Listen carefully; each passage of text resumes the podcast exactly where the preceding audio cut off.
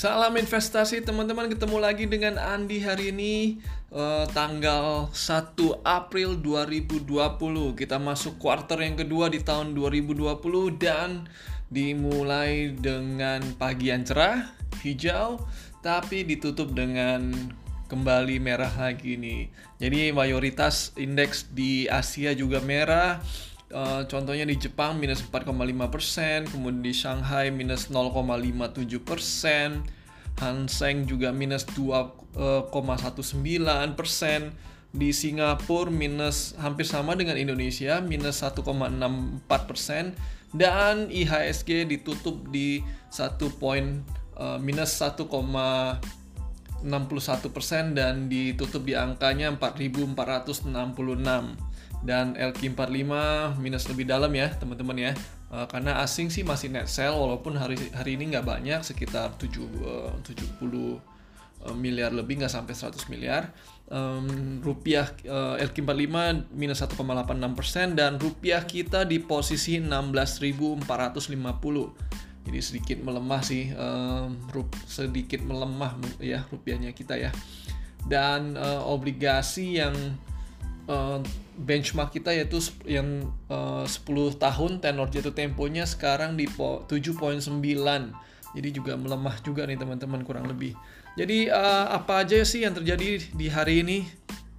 Sepertinya penyebaran COVID-19 masih menjadi topik utama dan mungkin akan menjadi topik yang uh, di headline ya untuk 1 sampai 2 bulan ke depan ini. Sampai ada uh, penanggulangan virus vaksin ke depannya. Dan kita juga uh, bulan ini juga akan akhir bulan akan memasuki bulan Ramadan. Dan biasanya cenderung um, kita bersiap-siap untuk mudik. Tapi ada beberapa saya bertanya saya diskusi dengan beberapa teman saya kolega saya yang berada di real sektor.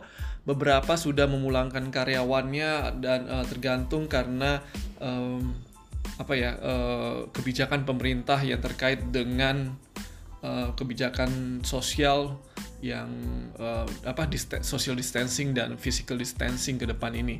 Jadi beberapa sudah dipulangkan dan jadi praktis uh, ada supply chain-nya yang terganggu di sana dan efek-efeknya akan terganggu juga ke konsumsi dan pendapatan dari perusahaan-perusahaan yang ada di Indonesia.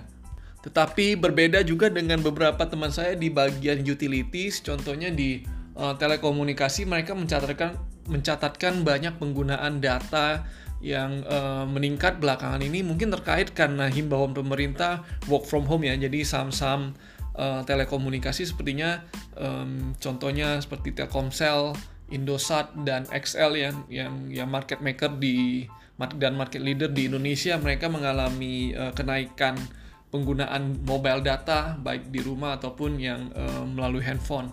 Jadi itu yang uh, bisa disampaikan dari uh, yang ada di lapangan.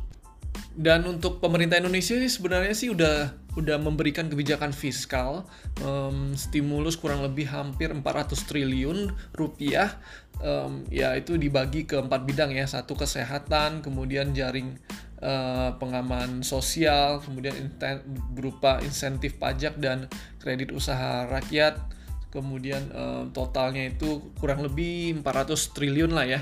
Nah ini ada wacana juga uangnya dari mana nih banyak yang bertanya. Nah, makanya itu juga um, ya ada beberapa sumber dana yang bisa dilakukan uh, oleh pemerintah. Yang pertama mereka bisa mencetak uang, mereka bisa mengeluarkan obligasi dan um, itu impactnya sih ujung-ujungnya akan menambah uh, fiskal defisit ataupun current account defisit kita ya um, ya semoga kan kalau fiskal defisit kan lagi diajuin ya dari 3% naik menjadi 5%. Nah, mudah-mudahan ini di approve dan ini bisa menjadi stimulus uh, ke depan uh, ya stimulus penggerak perekonomian di Indonesia.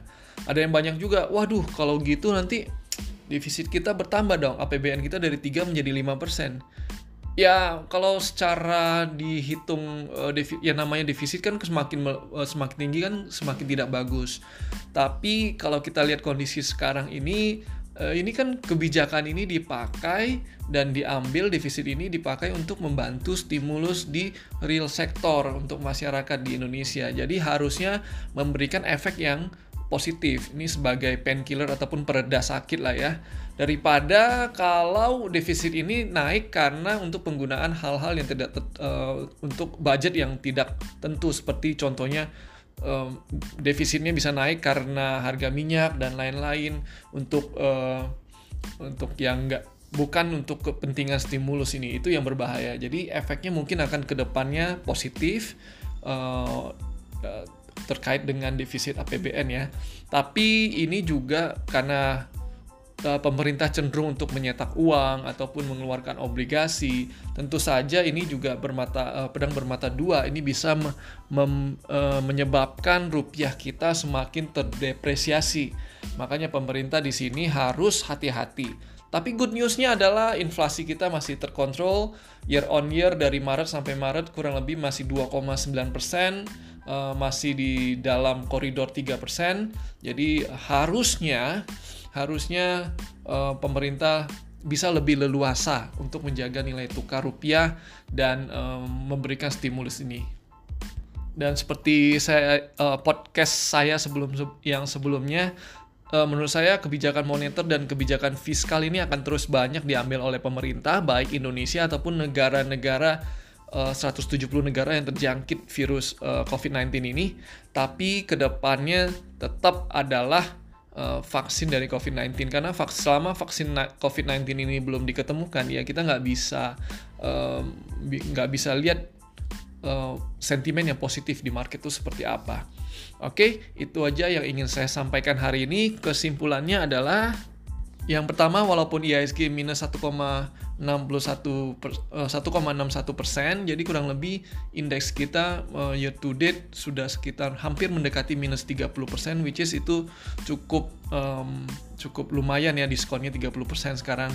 Uh, kemudian yang kedua dari segi valuasi kesimpulannya IHSG kita sih uh, kalau di price per earningnya kurang lebih masih men, uh, masih sangat murah yaitu sekitar um, sembi, uh, 8 sampai 9 uh, dan kalau terpuruknya itu 2008 tuh gambarannya sekitar 6 PI-nya 6 kali. Nah, itu uh, jadi lumayan lah ya. Jadi uh, lumayan diskonnya sekarang. Mungkin sekarang udah sekitar uh, 9 sampai 10 tapi uh, kurang lebihnya kita masih uh, cukup murah price per earning uh, PE ratio-nya dibandingkan dengan bursa yang lain. Dan yang ketiga teman-teman tetap berinvestasi mulai dengan kalau ingin di saham mulai dengan saham-saham yang sifatnya defensif yaitu sektor-sektor defensif seperti utilities, kemudian ada healthcare, farmasi dan telekomunikasi serta uh, konsumsi dan finance baru terakhir. Oke, itu aja yang saya ingin sampaikan. Saya Andi undur diri. Bye.